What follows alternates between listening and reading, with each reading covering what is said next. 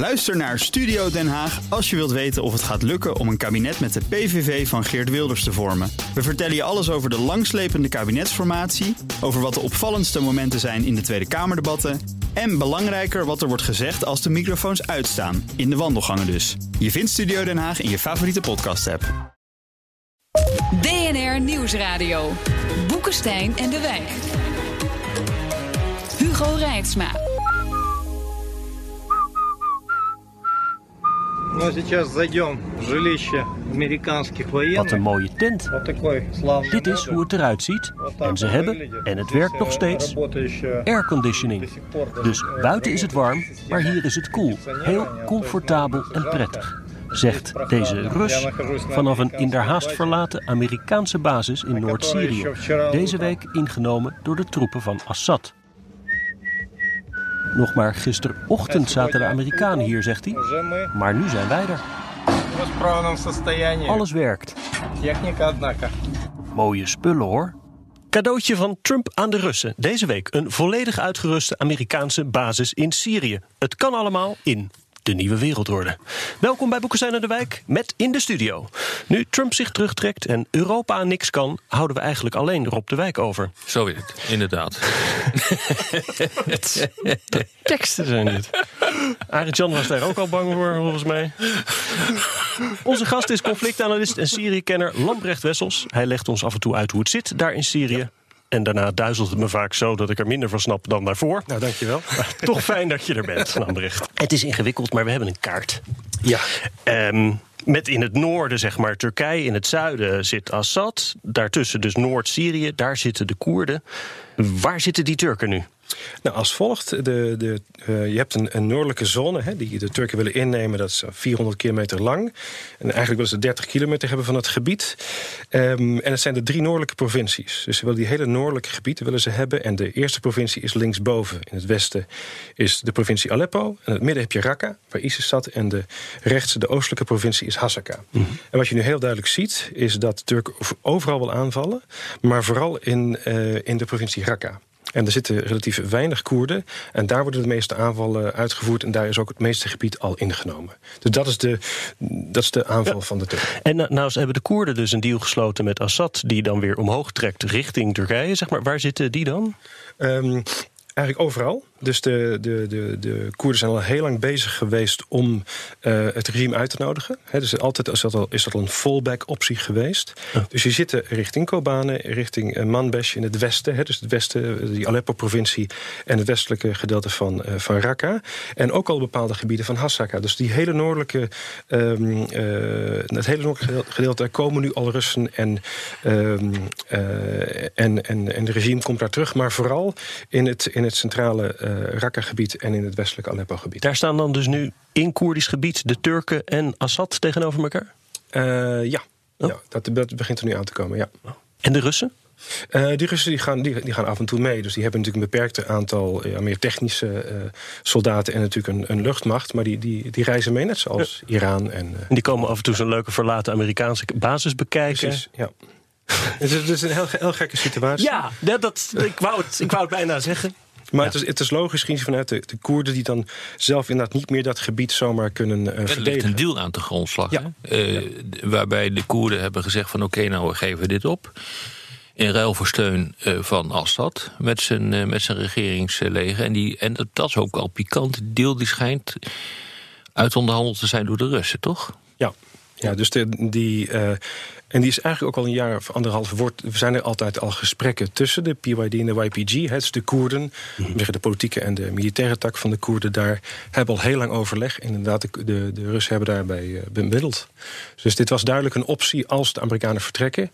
Uh, zat dit eraan te komen. Nou, de eerste stap op weg naar de Nobelprijs voor uh, Poetin. Ja. ga ik niks over zeggen. Um, nee, nou maar ja, kijk eens, nee, ik zeg het gekscherend, maar weet je, hij heeft natuurlijk nu al een unieke positie. Ja. Om hier uiteindelijk een vredesdeal uit te, te slepen en de integriteit van, uh, van, uh, van Syrië te herstellen. Onder Assad. Als je, onder Assad. Ja. Als je dit verklooit, dan ben, je, dan ben je niet goed bezig hoor. Want iedereen kan moet met maar Rusland Trump eh, praten. verklooien, om het maar zo te zeggen. Iedereen moet naar Rusland gaan. En Rusland kan zelfs de morele kaart spelen. Van, Ik heb de Tur- Turken en de Syriërs uit elkaar gehouden. Ik heb een genocide voorkomen. En de, en de, en de Koerden, Gerard. Ehm, dus dit zat er al lang aan te En komen. En uiteindelijk gaat hij voorkomen dat er een veiligheidszone komt eh, van de Turkije. Moet je maar eens opletten wat er gaat gebeuren. Dat gaat hij gewoon doen. ja, ik denk dat dat lukt. Dat, want ik denk dat dat gaat hem nog lukken ook. Want dan neemt, eh, dan neemt eh, eh, de Syrische eh, krijgsmacht, eh, waar we, naar ik inschat, de Koerdische milities in opgaan. eh, die nemen dan het gebied voor eh, hun rekening met steun van Rusland. Die geeft een veiligheidsgarantie af aan Turkije. En dan ben je klaar. Dan moet je kijken wat je gedaan hebt. ja. Het Astana-proces wint dus. Hè, dus Ja. Eh, Rusland, Iran en Turkije. De VN speelt geen enkele rol, helemaal niks. En de NAVO ook niet. En Europa al helemaal, helemaal niet. niet. Nee. De vraag is even gewoon hoe snel de Turken optrekken. Ze hebben een staand leger van 400.000 man, is ook niet niets. Eh, Maar het gaat inderdaad hoe snel ze opereren. Want ze hebben natuurlijk al een gedeelte in het noorden van Syrië. Het westelijke gedeelte, dus de provincie Aleppo... met daarin het gedeelte Afrin, waar de Koerden wel heel erg hè, zijn weggepest. Ehm, eh, en ze hebben een, dat heet Euphrates Shield Territory... ook een gedeelte in het noordwesten van eh, Syrië. Dat beheren de, de, de Turken al. En je ziet ook al dat ze stukjes van Raqqa... dus van die middelste provincie in het, in noorden hebben. Maar dat is nog relatief simpel, omdat daar vooral niet Koerden wonen. Eh, nee, daar wonen eh, in Raqqa wordt de meerderheid van eh Sunni-moslims. Ja. Dus daar zijn ze een minderheid. In de oostelijke provincie, Hasaka, daar zijn de Koerden duidelijk in de overgrote meerderheid. Ja. Dus ook, ook daar is de confrontatie is vooral in een gebied waar er veel minder Koerden zijn op het moment. Maar het is denk ik ook niet zo dat die Koerden helemaal geen troeven meer hebben. Want ze hebben natuurlijk nog wel een heel groot deel buiten die 30, mijls, eh, 30 Ja. kilometer eh, zone in het oosten van het land onder controle. Dus het is ook niet wat je nu continu eh, leest, dat ze helemaal niks meer te zeggen hebben. Dat ze een hele autonomie hebben, eh, eh, hebben opgegeven. Dat is gewoon niet zo. Je hoeft alleen maar naar de kaart te kijken om te zien dat dat kletskoek is. Maar ze hebben bescherming van Assad nodig. Want ze hebben geen planes, hè, geen vliegtuigen. In de veiligheidszone, in de geplande veiligheidszone. Eh, Daarbuiten niet. Maar, maar, Precies, Assad daarbuiten. heeft, maar Assad heeft daar nooit een Koerdische staat eh, gegund. En nu is, is de politie van de Koerden natuurlijk verzwakt. Dus waarom zou hij dat nu wel doen? Hè? Dat gaat hij zeker niet doen, maar de, je krijgt er gewoon een status quo ante. Gewoon een terugkeer naar wat er voor de oorlog Ja. was. Waarbij de politie door de Koerden werd gedaan. Ja. En het leger gewoon zijn basis had in het noorden aan de grens. Exact. Er zit ook olie, dus in dat gebied in Hasaka zit olie. Ja, we zijn terug bij af. We zijn terug bij af. Ja, dat klopt. Ja. En in die zin zitten ze er waarschijnlijk. De Koerden zitten natuurlijk veiliger onder het regime. vergelijkenderwijs dan onder de Turken als die daar zitten. Als deze situatie nou het eind van de oorlog kan inluiden, moet die Nobelprijs dan niet naar Trump? Want die heeft dit voor elkaar gekregen door weg te gaan. Ja, dat zou je wel denken. Maar het zou me niet verbazen hoor, als dit eh, de eindstrijd is. Het zou me niet verbazen. En dat hier dus eh, toch een, een, een, eh, een geschuif achter zit die Trump niet voorzien heeft. Nee, dat neem ik aan. Nee, eh, eh, want de consequenties daarvan zijn natuurlijk groot. Maar ja, nou ja, goed. Ja, je weet natuurlijk, voorspellen is moeilijk, ook, eh, ook in dit geval. Maar als je gewoon kijkt naar de dynamiek die, die daar nu eh, speelt, eh, realiseer je ook dat, eh, eh, dat Poetin en Erdogan best op dit ogenblik weer door één deur kunnen gaan. Hè. Eh, het, het, het, eh, het land verschuift, Turkije, eigenlijk van de NAVO in de richting van eh, Rusland. Heeft ook die S-400 eh, luchtdoelraketten gekocht, waar de NAVO niet blij mee is. Dat betekent dus dat, eh, eh, dat Poetin echt absoluut druk kan uitoefenen op Erdogan om A, zich een beetje in te houden als hij die veiligheidszone creëert. En B, om dat de opmaat te laten zijn naar, een, eh, naar een, een, een oplossing voor de hele regio, voor het hele land. Ja, dat zou me niet verbazen. Maar er zijn twee problemen op zijn minst. A, ISIS komt dus terug. Hè, en dat is iets waar Dat hoeft niet, Arend-Jan. Dat kan. Maar Maar dat kan, maar dat kan ook wel. een troef, want ze beheren natuurlijk die gevangenissen en die liggen niet in dat grensgebied. Exact. Dus Exact. daar hebben ze alsnog een, hè, gewoon, een, gewoon een troef uit te spelen richting het westen. Dus daar hebben ze, en ze hebben inderdaad nog een stuk territorium. Wat Trump betreft, die doet eigenlijk precies wat hij zijn stemmers heeft. Eh, Dus hij Ja. zal er zelf niet onder lijden. En daar moeten we rekening mee houden. Als Ja. Europa, dat hij gewoon doet wat hij wil voor zijn stemmers. en nou nog het tweede. Van, eh, Erdogan heeft ook een hele slimme waterpolitiek. Hè? Zowel via de Eufrates en de, en de Tigris. Hè?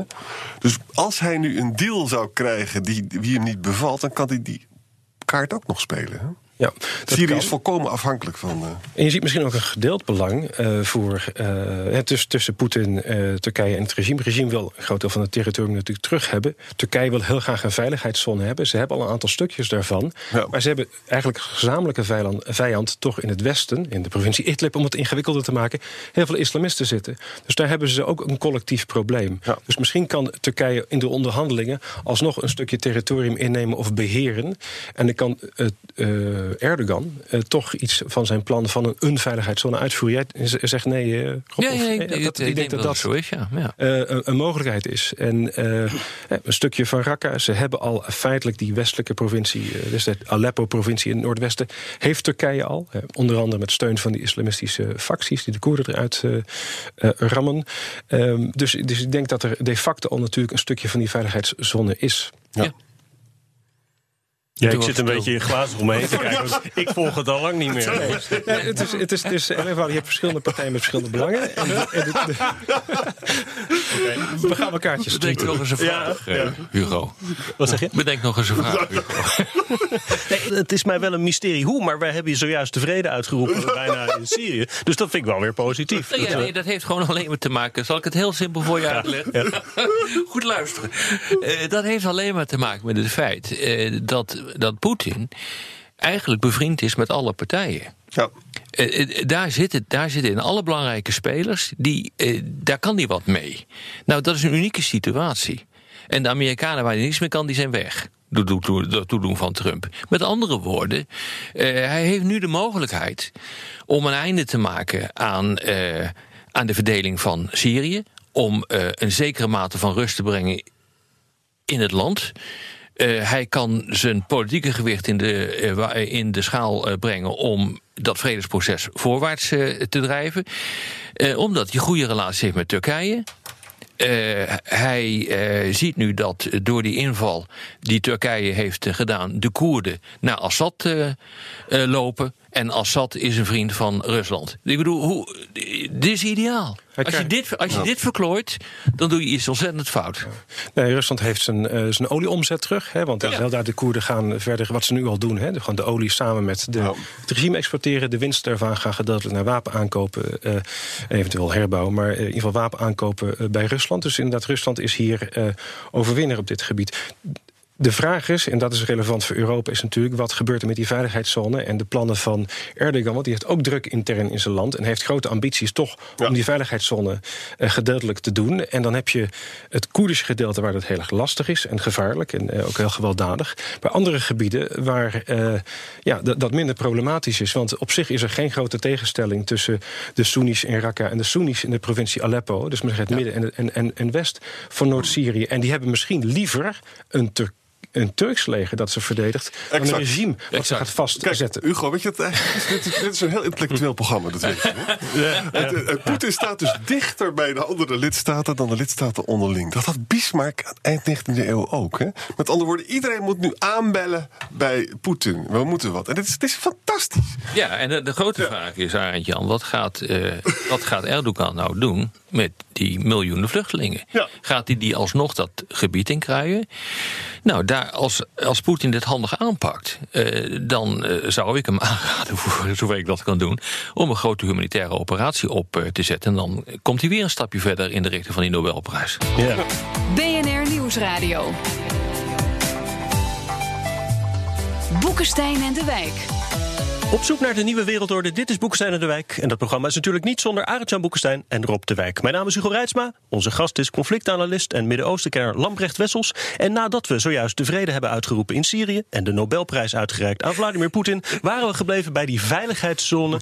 waar Syrische vluchtelingen naartoe terug kunnen. En ik hoor daar eigenlijk ook wel positieve geluiden over. Ja, het is op zich. Hè, dus uh, Turkije heeft uh, bijna 4 miljoen vluchtelingen. Um, en je kan natuurlijk alles blijvend bekijken vanuit de rechten van vluchtelingen. Maar het is een hele grote groep die richting Turkije uh, zet. Die ook druk uitoefent daarmee op, op Europa. Hè, van, de, van de sluizen openzetten. Dus op zich is het geen slecht idee dat als je een veiligheidszone zou hebben, een gebied, dat je zegt van ja, dat mensen naar hun eigen land terugkeren. Dat heeft allemaal lokale, ook vervelende en echt uitdagende, to say the least, consequenties. Maar het idee dat je mensen laat terugkeren onder relatieve veiligheid, in dit geval van de Turken, uh, is niet helemaal gek. Um, en ook dus die, dat verzoek van eh, van Erdogan, wat hij al een aantal jaren heeft, al zeker vijf jaar, dat moet zeker overwogen worden. En dat is niet als, moet niet direct worden weggezet als uh, alleen maar fout. En zeker niet als Europa niks doet en ook geen macht projecteert. Wij zijn, wij zijn rule takers geworden. Wij doen helemaal niks. Nee, we, we, hadden kunnen interveneren en uh, bijvoorbeeld inderdaad de Koerden verder ondersteunen daar in het oosten. We hadden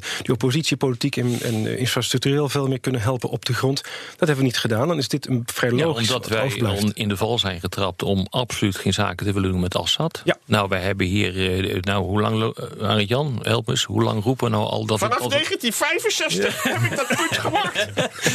dat, dat, dat dat niet zo verstandige politiek is. Nou ja, je ziet nu wat er gebeurt als je dat gewoon uh, dogmatisch niet maar wil is het dan doen. dus Dan eigenlijk heb je geen positie meer. onterecht hoe Europa nu boos is op Erdogan? Nou, het is een grote mate van morele verontwaardiging. Maar we hebben volgens mij vorige week nog hier geconstateerd dat het punt met die miljoenen vluchtelingen in Turkije, dat dat wel degelijk een, een belangrijk een probleem, een belangrijk is, uh, probleem is. Wat wij maar niet willen erkennen. Het enige waar wij het over hebben is dat we de grenzen willen sluiten met Turkije, omdat we die lui uh, hier niet willen hebben. En wat er dan maar mee moet gebeuren, dat is onze zorg niet. Dat kopen we af via een of andere Turkije-deal die feitelijk niet werkt. Maar het is natuurlijk logisch dat die mensen op een gegeven moment terug moeten gaan naar hun land. Ja. En nou is het grote probleem, waar gaan ze dan naartoe? He, want als je dus in een situatie komt waarin wat ultrarechts noemt omvolking uh, gebeurt, en dat is feitelijk wat er dan gaat gebeuren, dat de Koerden weggaan, die worden overgenomen, die plekken worden overgenomen door, uh, door de vluchtelingen die komen uit, uit Turkije. Dan hebben we natuurlijk ook een geweldig probleem. Arabische maar goed, Syriërs. Huh? Ja, ja, maar daar, je zou je kunnen voorstellen dat je dat ook kunt oplossen in één grote peace voor dat ja. gebied. En daar gaan we onherroepelijk naartoe hoor, als ik, voor zover ik het nu kan bekijken. Ja, dan laten we dat hopen en daar ook inderdaad als Europa flink in investeren. Want er is wel. Uh, zijn allemaal risico's aan, maar wel een soort win-win-win. Um, egocentrisch vanuit Europa gedacht van geen vluchtelingen hier naartoe. Dat is onze win. Erdogan wil graag die Syriërs niet meer in zijn eigen land hebben, of veel minder. Dat is zijn win. Maar als je daar grootschalig uh, uh, aan heropbouw doet, het relatief veilig houdt en daar waterinfrastructuur en andere zaken weer heropbouwt, kun je daar echt investeren. En dan zouden we ook inderdaad dat ruimhartig moeten doen. Nu besteden we veel te weinig in de regio. Ja. ja. Poetin stelt voor uh, uh, 20 steden of zo en dan 26 miljard. Dat moeten wij dan betalen. Wat we dus zouden kunnen doen, wij, zijn bereid om te betalen, maar dan wilden we wel gebieden uitzoeken waar je niet kan van verwachten dat er gelijk dus ruzie ontstaat tussen Arabische, ja, ik Syriërs denk, ik vrees, en Koerden. Uh, Aantje, dat wij de, de eis gaan stellen dat eerst Assad weggaat. Dat gaat natuurlijk never nooit niet gebeuren. Nee, maar nee. natuurlijk irrealistisch. Ja. Dus dat is gewoon militair ja. en politiek is dat uh, onmogelijk gebleken. Dus we moeten daarin ons gewoon ons verlies uh, erkennen. En op een gegeven moment moet je denken van hoe moeten wij de komende 20, 30 jaar de boel daar stabiliseren en verbeteren. Ja. En als we hierop blijven zitten, net zoals een deel van de oppositie altijd heeft gedaan, dat werkt niet, dat kan niet. Want dan, dan blijven we wel, in deze situatie. Ja. Rob, jij zei uh, voordat we begonnen ook, we moeten ook even kijken wat dit nou betekent voor, voor verder, voor de, de rest van de wereld. Nou ja, zeg maar. Ik denk dat, uh, dat uh, Poetin zich helemaal krom lacht in het Kremlin. bij wat er op dit ogenblik gebeurt. Kijk, realiseer je, dit kan je niet loszien met wat er eerder dit jaar is gebeurd in de golfregio. Toen heeft. Uh, Trump heeft niet gereageerd met militaire middelen op die droneaanval. Of die uit, uit luchtschieten van die drone uh, door, door Iran. Dat was in juni. Juni, juli. Uh, Vorige maand hebben we dat gedoe gehad met, het, uh, met die olieraffinaderij in Saudi-Arabië die gebombardeerd is. Wat heeft hij gedaan met militaire middelen? Niks. Nu heeft hij de Koerden een uh, dolk in de rug gestoken. Met andere woorden, het is volstrekt helder dat Trump geen echte bondgenoot meer is. En dat hij alleen maar gaat voor zichzelf. Dit is gewoon Amerikaans isolationisme van de bovenste plank. Ik was, afgelopen weekend was ik in Riga voor een bijeenkomst waar eigenlijk alle leiders ook van de regio aanwezig waren. Ja, in de wandelgangen, het wordt natuurlijk niet zo uitgesproken, maar in de wandelgangen wordt gezegd van ja, op deze manier is de NAVO dood. Want wat hebben we nu aan een president die geen militaire macht wil gebruiken, terwijl dit een militair bondgenoot is? Een genootschap is. Uh, wat hebben we aan een uh, president die geen consistent buitenlands beleid uh, gaat voeren? Met andere woorden, hier zijn zeer grote twijfels of de veiligheidsgarantie die Amerika geeft aan Europa, of die nog wel werkt. Ik heb er ook grote twijfels aan. eh, aan. En eh, nou, dat heeft wel enorme consequenties. Als je dit zo doordenkt, dan is NAVO dood. En dan moet Europa moet dus zich gaan militair, militariseren. En dat is heel moeilijk voor mensen, want ze zitten allemaal vast bij die NAVO. Maar die NAVO, die turns, is gewoon in elkaar geklapt. Overigens is er ook wel iets interessants aan de hand. Poetin is eigenlijk een beetje de baas geworden. Hè? Maar Poetin die, die, die bezit het gebied als het ware nu ook. Met alle shit die erbij hoort. In het Midden-Oosten ja. is, is natuurlijk verschrikkelijk. Ja, dat is waar. En Poetin is niet in staat om Teheran echt onder controle te houden. En Teheran heeft, heeft de enorme macht laten zien met die drones, bij die olieinstallaties in Saudi-Arabië. Dus die kan dat via Hezbollah ook in Israël gaan doen. Dus ik wil niet de- onze luisteraars in Hey, Salbommel nou, maar maken. dat is wel een belangrijk punt. Want uiteindelijk, kijk, Rusland vindt van zichzelf dat ze ongelooflijk groot en machtig zijn. Maar uiteindelijk is het niet meer dan de economie van de Benelux of van Zo is het. Italië. Dus wat dan in het jargon zo mooi heet overstretch, oftewel je overeet je, je, je, doet, Ja. je neemt te veel hooi op je vork, dat is hier zeer nadrukkelijk aan de orde. dat nog, kunnen ze waarschijnlijk helemaal niet betalen. En dan heb je ons nodig. Want wij nog- kunnen dat wel. Ja, de Karakanov in onze tv-programma. En die zei constant van... ja, ik zeg elke dag tegen, de, tegen Poetin van... Kijk uit voor overstretch in het Midden-Oosten. We moeten daar weg, we moeten daar weg. Want het is natuurlijk Ja, ook een wespennest. En dat gaat natuurlijk nu spelen. Ja. Maar daar hebben we ook weer een rol te spelen. Omdat, eh, kijk, we zijn, ik noem het soms oorlogstourets wat de Amerikanen hebben. Van echt nog eh, niet wachten totdat we vreedzaam iets eventueel kunnen oplossen. Nou, wij zijn hè, zeer, eh, ja, we willen niet zomaar als Europa of als ja, Europese staten interveneren. Dus het zou goed zijn als we inderdaad aan de onderhandelingstafel zitten. En niet zoals in 2003 en 2001, eh, hals over kop zonder een plan. Er was ook echt geen plan. In Afghanistan nauwelijks, in 2003 in, in Irak niet. En gewoon echt niet voorhanden. Of in ieder geval, er was er een, maar die hebben we nooit opgevolgd. Dus eh, het zou heel goed zijn als Europa zijn eigen beleid eh, gaat voeren. En we hebben een unieke uitdaging nu. Want we weten dat we niet eh, door kunnen gaan met oorlogen met grote groepen vluchtelingen. Dus als het nu Syrië is, over drie jaar heeft, ISIS, heeft eh, Sisi in Egypte ruzie met de moslimbroeders. En de logica zou dan zijn, nou, dan kunnen er 3,5 miljoen moslimbroeders naar Europa komen. Ja. Als dit het v- eh, format moeten op vluchteling en migratie nieuw denken. En ook als het gaat om buitenlandbeleid. En heeft inderdaad Poetin en Rusland heeft weinig geld. Ehm, en er zitten echt wel mogelijkheden voor niet-militaire interventie van Europa. Maar moeten we wel anders gaan denken over het gebied. Ja, exact. Ik eh, zou ook, eh, als ik de Europese Unie was en Amerika was, dan zou ik nu Poetin gewoon deze klus laten klaren.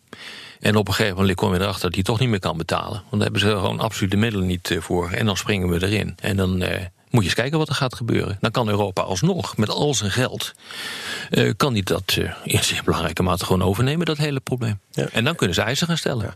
Ja, en dan hebben we ook, we hebben ook genoeg geld daarvoor. Want ik weet gewoon, eh, iedereen kan gewoon zien wat de lonen zijn, hè, lokaal in Syrië, Ja, dat is dat soort plekken. En dan, dan zie je wat de bedragen zijn die nodig zijn. Dus van, ik heb in 2015 heb je, hadden we 47.000 vluchtelingen. Nou, maal, maal 23.500 euro volgens de IND. Dat is 1081 eh, miljoen, dat is ruim miljard. Daar kun je 193.000 mensen in Syrië een voorlogsloon van geven. Dus bijna 200.000 gezinnen van onderhouden. Exact. Dus het zijn niet enorme bedragen. Voor Het- ons is het niet nee, veel. Voor nee. Rusland eh, is het onoverzichtelijk. Precies. Ik vind het een constructieve uitzending. Ja. Ja, En voor de radio moeten we het hier alweer bij laten. Op de podcast hebben we meer tijd voor onder meer luisteraarsvragen. Luistert u op de radio, dan verwijs ik naar iTunes, Spotify of gewoon bnr.nl. Eh, op Twitter kunt u ook reageren, BNR de Wereld. Uberpatser op Twitter eh, vraagt... eh, ik lees in westerse media weinig over de druk die de Syrische vluchtelingen op de Turkse maatschappij leggen. Oh, wacht, dit hebben we eigenlijk al een beetje gedaan. Under Kaya, beste Rob. En zegt Under. Vorige week onderschreef NAVO-topman Jens Stoltenberg een deel van de veiligheidszorgen van Turkije. Hoe waarschijnlijk is het dat het kabinet ook een deel van de Turkse zorgen onderschrijft met een Tweede Kamer die vooral roept om sancties? Nou, niet. Ik denk dat dat het hele probleem is. De, de Kamer, ik vond echt dat het Kamerdebat, eh, daaruit bleek dat de Kamer gewoon de weg kwijt was. Eh, er wordt nu gewoon niet meer strategisch gedacht. Eh, het is morele eh, verontwaardiging. En ik moet eerlijk zeggen, eh, alle aandacht richt zich nu op, eh, op Erdogan met wat hij heeft gedaan. Maar sorry hoor, Trump is hiervoor verantwoordelijk. Die heeft dit eh, veroorzaakt. Eh, en Erdogan die, die vraagt al jaren om een oplossing en terecht, voor dat vluchtelingenprobleem. Ik bedoel, wij kunnen eh, niet eens 10.000 vluchtelingen aan in dit, eh, dit land. Dan eh, is de wereld al te klein en dan denken we dat eh, heel Nederland ten onder gaat. Moet je, moet, moet je- hoeveel zitten er? 3,6 miljoen of zo? Nou, Ja. jongens. Deze is voor jou, denk ik, eh, Lambrecht, um, van Martijn van Dalen. Hoe zit het met de positie van de Jezidis? Dit volk heeft net een genocide meegemaakt en komt mogelijk weer in de verdrukking. Uh, die zitten vooral in het Koerdisch gebied in het oosten. Dus de meeste Jezidis wonen, of die komen oorspronkelijk uit Irak. Uh, zitten daar en die zijn natuurlijk onder de relatieve bescherming van de, van de Koerden en Amerikanen daar. Dus daar gaat het dan relatief onder de huidige omstandigheden goed mee. Maar ze zijn natuurlijk wel enorm getraumatiseerd nog steeds. Ja.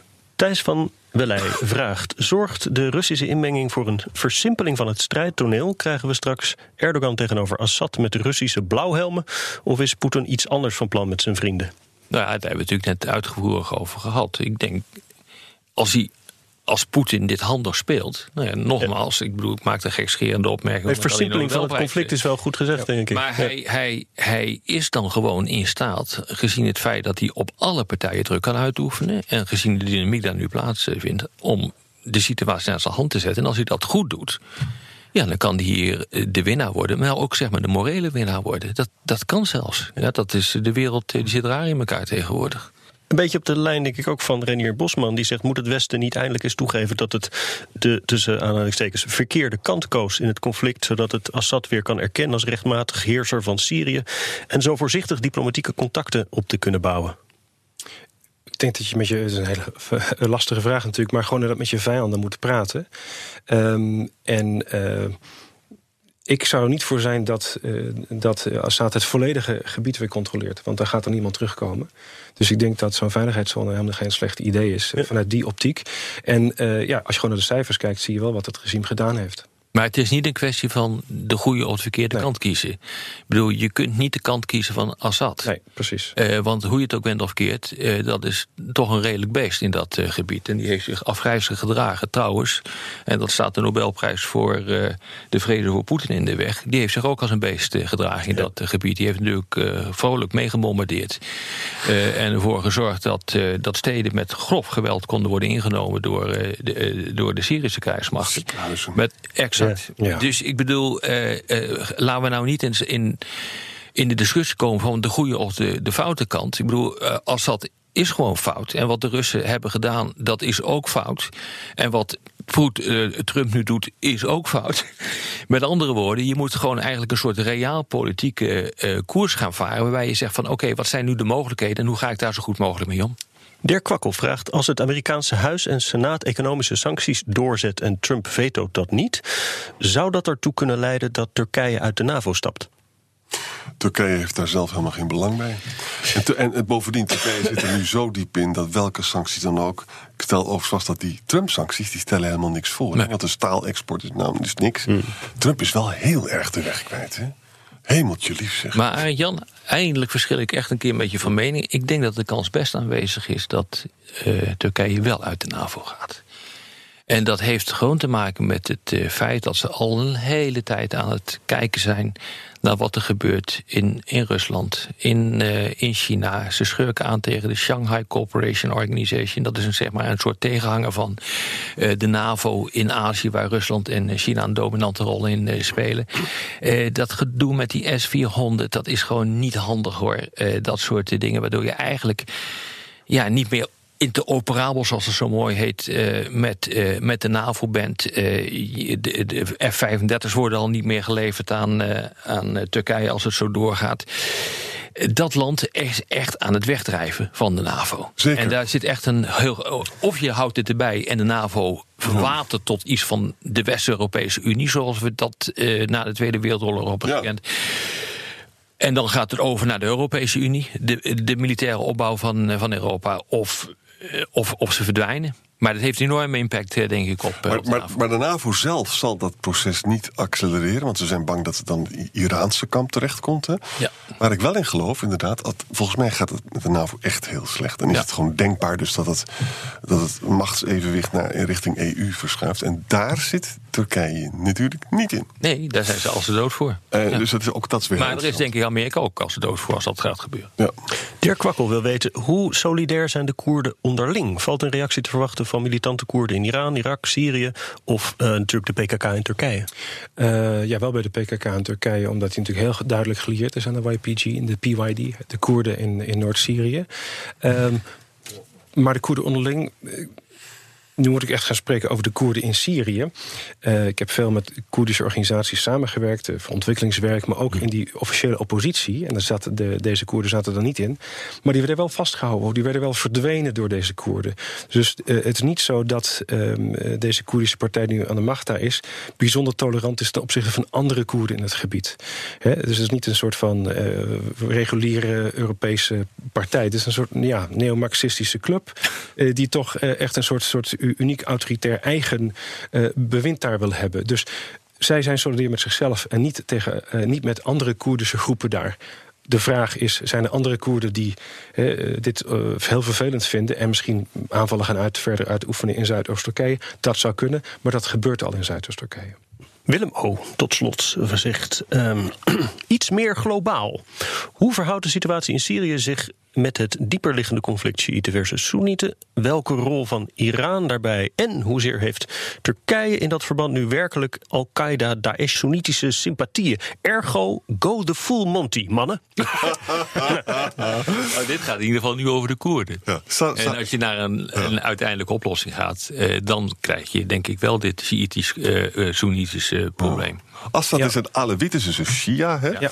Uh, dat is belangrijk, dat is Teheran. Uh, de Koerden zijn Soenitisch, ja. maar, maar ook seculier en neo-Marxistisch. Hè? Koerden zijn overigens altijd verdeeld geweest, tot op het bot, hè, met die twee leiders waarvan ik altijd de namen vergeet. Barzani en Taliban in Noord-Irak, ja. Precies, precies, zo gaat dat dan. Nou, de Turken zijn ook Soenitisch. En het is inderdaad zo dat er wel wat schimmige banden zijn tussen de broer, tussen de zoon van Erdogan en olie uh, aankopen en zo. En dat kwam natuurlijk omdat de, Turkije heeft, stuurt, die, die stuurt Arabische Syriërs aan hè, in, in het gevecht. Je hebt hier een, een, beetje een dubbele rol. Hè, want Turkije heeft heel duidelijk uh, um, Soenitische milities gesteund. Dus ook uh, wat, nu, uh, wat nu HTS heet, wat vroeger Nusra heette, wat eigenlijk Al-Qaeda is. Hè. Dus die zitten in die provincie Idlib om het nog ingewikkelder te maken. Maar die hebben ze altijd als stoottroepen gezien. Als je politiek keek, wilden zij vooral de moslimbroeders in die oppositie. Dus de conservatieve Soeni's wilden zij steunen, maar niet die extremisten. En de Turkije dacht dat van nou, ze zijn anti-Assad, die gaan we even als een soort tovenaarsleerling gebruiken. Dus um, er is inderdaad een, een, een tegenstelling tussen Sunni en Shia. En als je kijkt naar Damascus, uh, dan zie je dat ze eigenlijk ook niet zo heel blij zijn met die overstretch en die enorme hoeveelheid uh, uh, Iran-invloed mensen in het gebied. Ja. Dus dat is ook niet de ideale uitkomst voor het regime langer termijn. Er speelt ook nog bij dat Turkije volgens mij niet Arabisch is. Nee. nee. Dat speelt geen rij.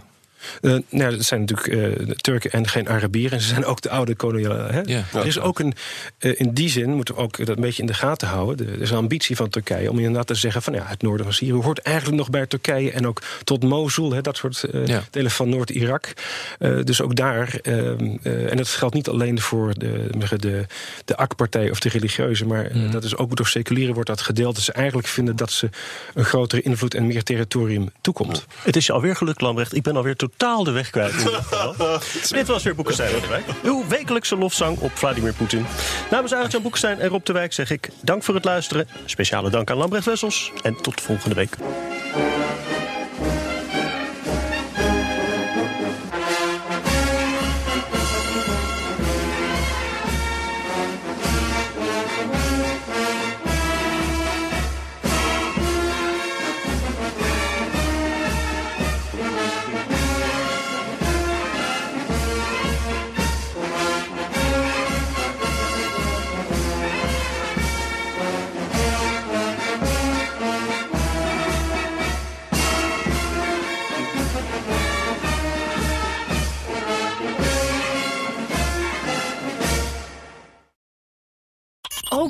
Staats vind je in de BNR-app. Ja, heel handig. Luister live naar Kees en mij tijdens de Daily Move. Dan blijf je ook gelijk op de hoogte van breaking news en het laatste zakelijke nieuws. En daar vind je ook alle BNR-podcasts, waaronder de Perestrooikast. Download nu de gratis BNR-app en blijf scherp.